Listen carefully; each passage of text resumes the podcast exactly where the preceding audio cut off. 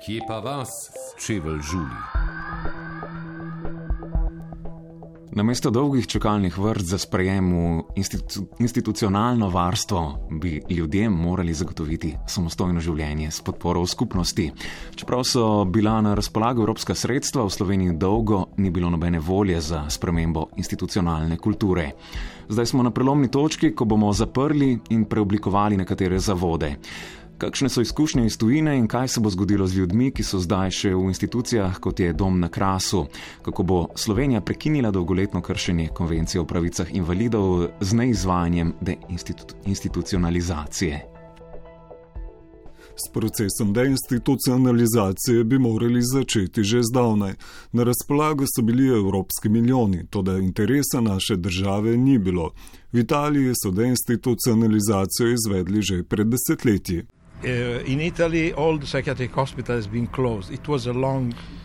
V Italiji smo zaprli vse psihiatrične bolnišnice. To je bil dolgotrajen proces, ki pa ni bil ustrezno podprt. Toda končali smo ga, tako da psihiatričnih bolnišnic ni več nikjer v Italiji. Pred tremi leti smo zaprli celo forenzične oddelke. Danes imamo najmanj ljudi, ki so izolirani iz skupnosti v Evropi. In še ti so zaprti za omejen čas v splošnih bolnišnicah. Doživljensko ni zaprt nihče, ne ljudje s težavami v duševnem zdravju, ne hendikepirani, ne starejši. Tako piše stanje v naši zahodni sosedi Roberto Medzina, ki je svojo kariero psihiatra začel v zadnji fazi zaprtja psihiatričnih ustanov v Trstu. V psihiatrični bolnišnici San Giovanni, kjer je začel delovati pred 41 leti, so bili zaprti najtežji psihiatrični bolniki.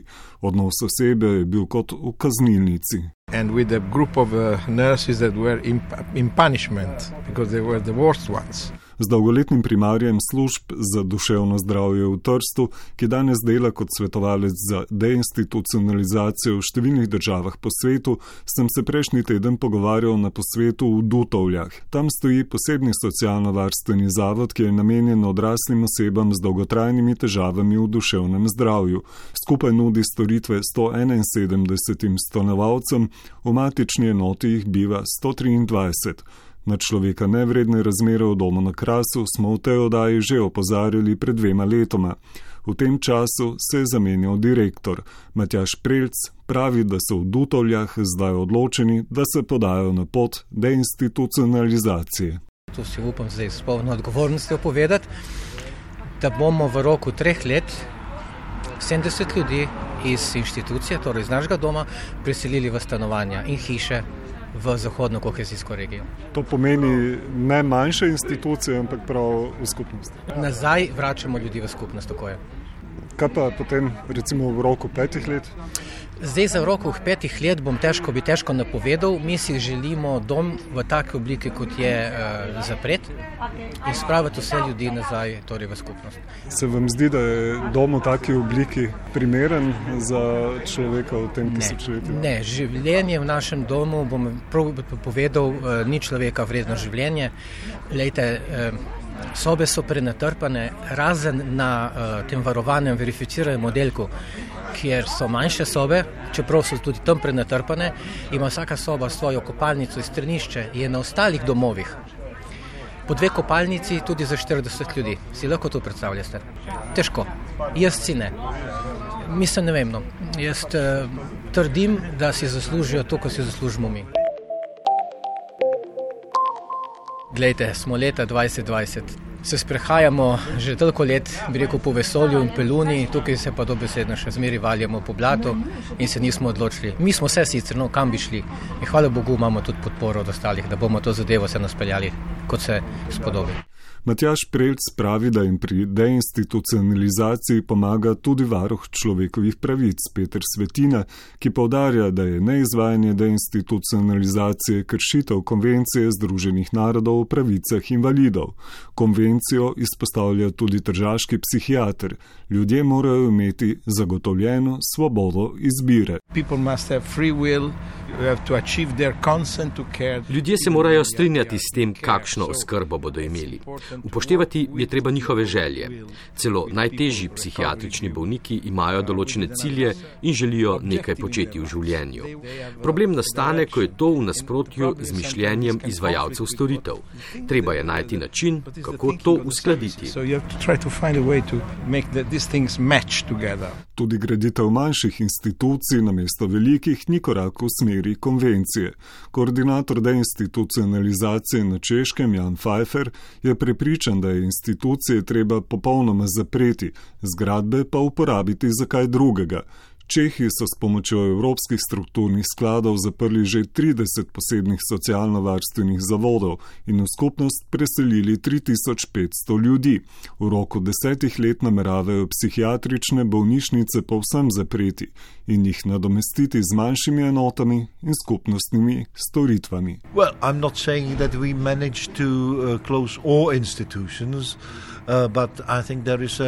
Nismo še zaprli vseh institucij, smo pa pokazali, kaj je mogoče narediti. V skupnost smo preselili tudi ljudi s hudimi intelektualnimi in hkrati telesnimi ovirami. Tudi oni zdaj živijo v razmeroma normalnem okolju in uporabljajo skupnostne storitve.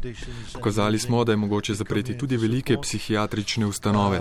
Imamo take primere, tudi pred nami je še dolga pot.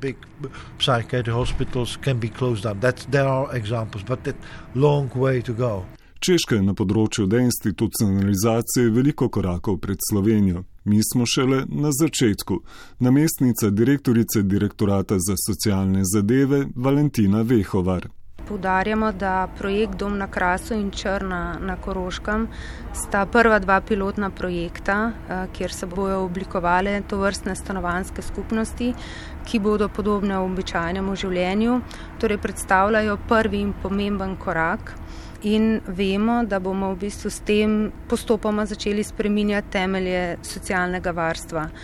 Torej, ta dva projekta sta sigurno model transformacije, ki ga bo država uporabila za transformacijo tudi drugih institucij in ta dva modela bosta potem predstavljala model za naslednje korake deinstitucionalizacije v Sloveniji.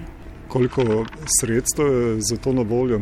Eh, Ministrstvo za delo bo iz evropskih strukturnih skladov prejelo približno, lahko počrpalo okoli 60 milijonov evrov. Za ta dva projekta je namenjeno približno okoli 18 milijonov evrov. V Črni na Koroškem, v stari centralni hiši, ki nujno potrebuje prenovo, trenutno biva 160 uporabnikov, direktorica Dalja Pečovnik naši uporabniki živijo pri nas nekateri že polnih 50 let in dejansko potrebujejo neke sodobne pristope, možnosti izbire bivanja in pa tudi predvsem bi jim eh, želeli eh, dati tudi možnost izbire pri tem, da živijo bliže domu in bliže svoji družini. Želimo preseliti eh, zdaj v tej fazi okrog 70 uporabnikov in sicer v manjše eh, stanovanske skupine, kjer bi bivalo skupaj od 4 do 6 uporabnikov. Kaj pa potem, ko boste teh 70 eh, oseb izselili v skupnost, nameravate še naprej nadaljevati s procesom? Uh, ja, naš, naš cilj je, da omogočimo vsem uporabnikom možnost manjših stanovanskih skupin, da gremo v deinstitucionalizacijo centralne hiše, centra kot takega. Zdaj je pa seveda potem vse odvisno od možnosti črpanja sredstev tudi za naprej. Kako bo z možnostjo črpanja evropskih sredstev v prihodnji finančni perspektivi, še ni znano. Jan Pfeiffer težko razume, zakaj Slovenija do zdaj še ni črpala. Well, I think the Slovenia is an uh, interesting case because uh, in 80s even uh, the Slovenia did a great deal of. V 80-ih je Slovenija naredila veliko na področju deinstitucionalizacije socialnih storitev za otroke. Potem pa se je vse ustavilo in še vedno ne razumem, zakaj se ni nič premaknilo. Slovenija je bogata in civilizirana država, v neposrednji bližini ima Trst, ki je vzor deinstitucionalizacije na področju duševnega zdravja. Še vedno me zanima, kje je problem Slovenije. Mislim, da tako bogata in majhna država to lahko izpelje z lahkoto. Predpostavljam, da manjkata primerno vodenje procesa in politična volja. Slovenske vlade dolgo sploh niso želele evropskega denarja, ki je bil na razpolago za deinstitucionalizacijo. Denar iz strukturnih skladov bi lahko uporabili veliko učinkoviteje. Za naslednjo finančno perspektivo še ne vemo, koliko denarja bo za to namenjenega, upam pa, da bo Slovenija takrat bolje pripravljena. Mislim, da je Slovenija zamudila priložnost.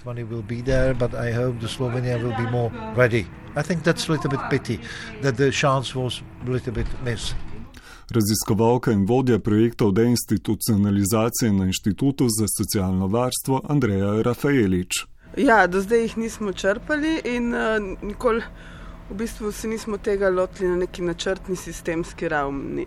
Zdaj se zdi, kot da se prvič zares kot država odločamo, da bomo preoblikovali, zaprli neke zavode.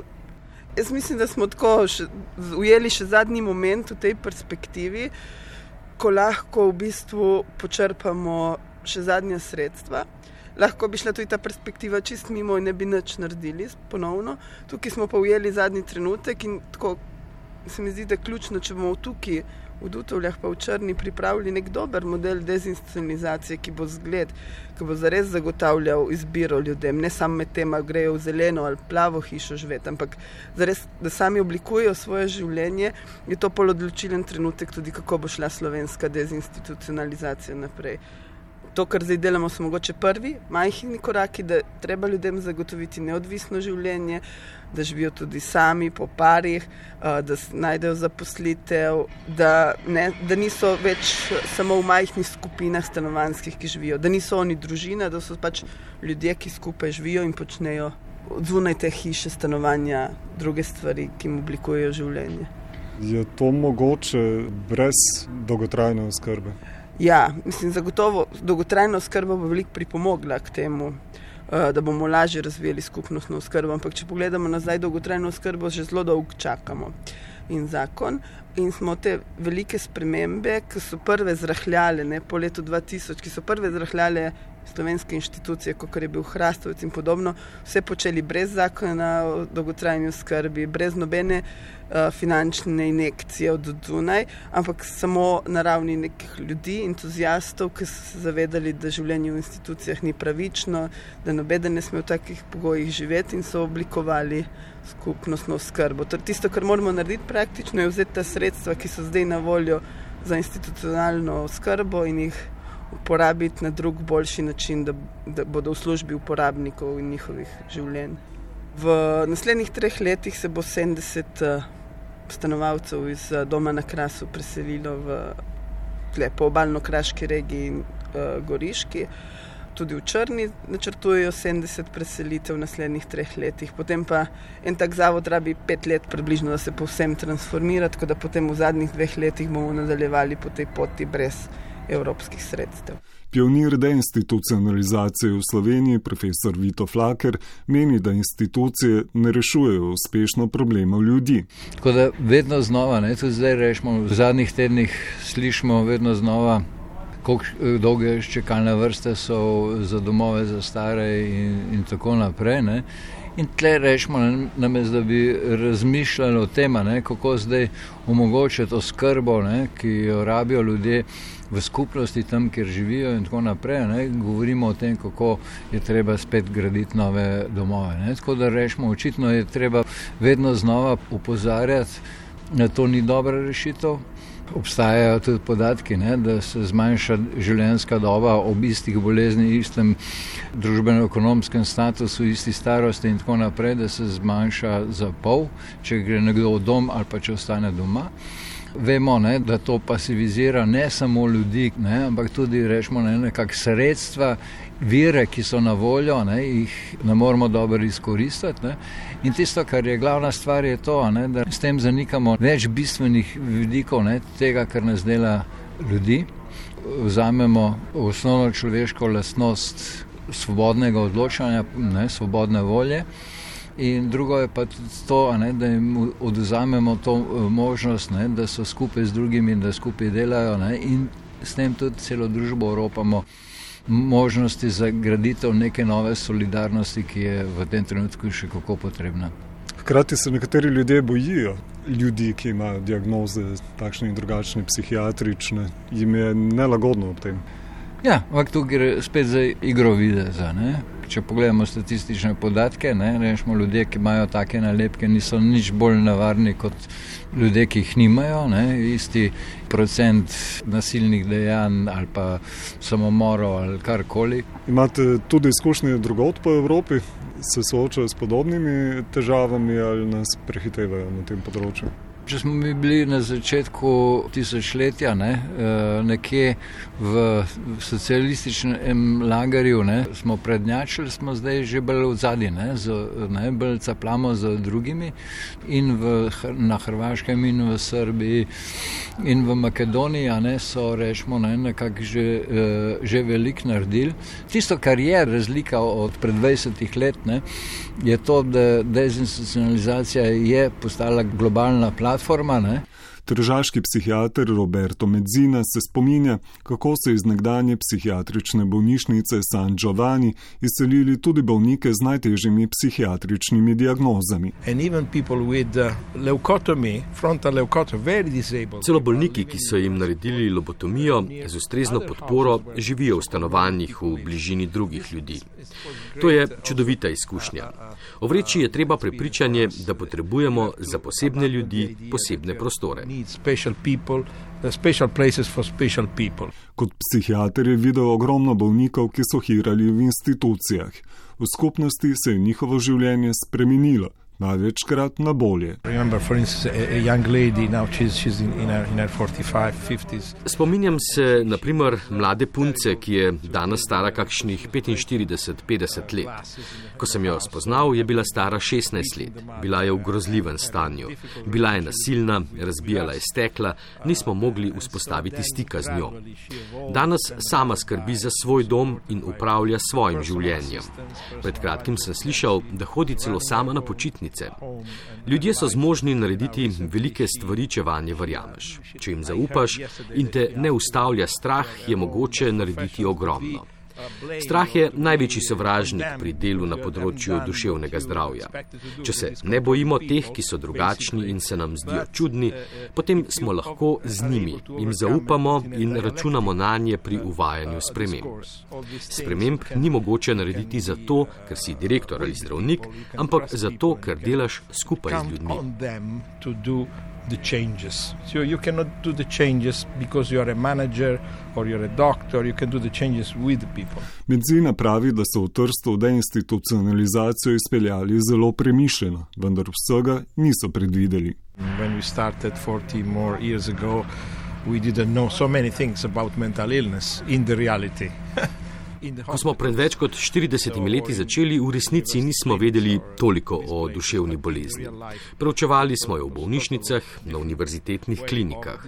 V resničnem življenju pa smo morali odkriti nove načine, kako lahko ljudje bivajo v skupnosti.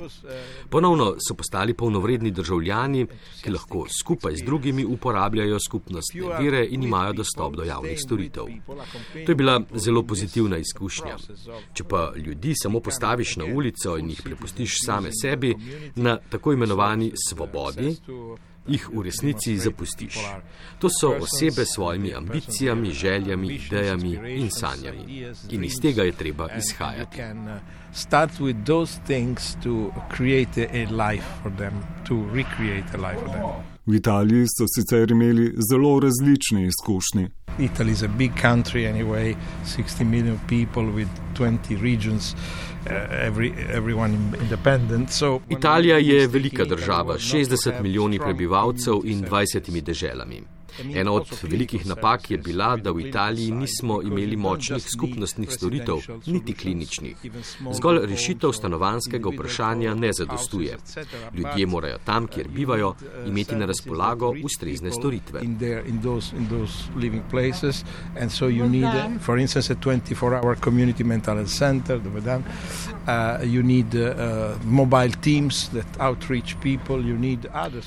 Vzpostavljeni morajo biti 24-urni skupnostni center za duševno zdravje, mobilne enote in druge podporne storitve. Delovati morajo povezano. Opustiti je treba staro stigmo glede duševnega zdravja. Vključena mora biti celotna skupnost. V Sloveniji imate čudovite mlade ljudi, vidim jih naprimer na koncertih, ki jih obiskujemo v Ljubljani in drugje, tudi oni morajo biti vključeni. To lahko spremeni celotno skupnost.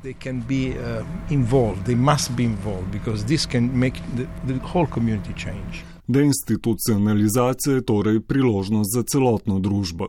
Ljudje bi morali bivati v običajnih stanovanjih v skupnosti in imeti zagotovljeno podporo tam.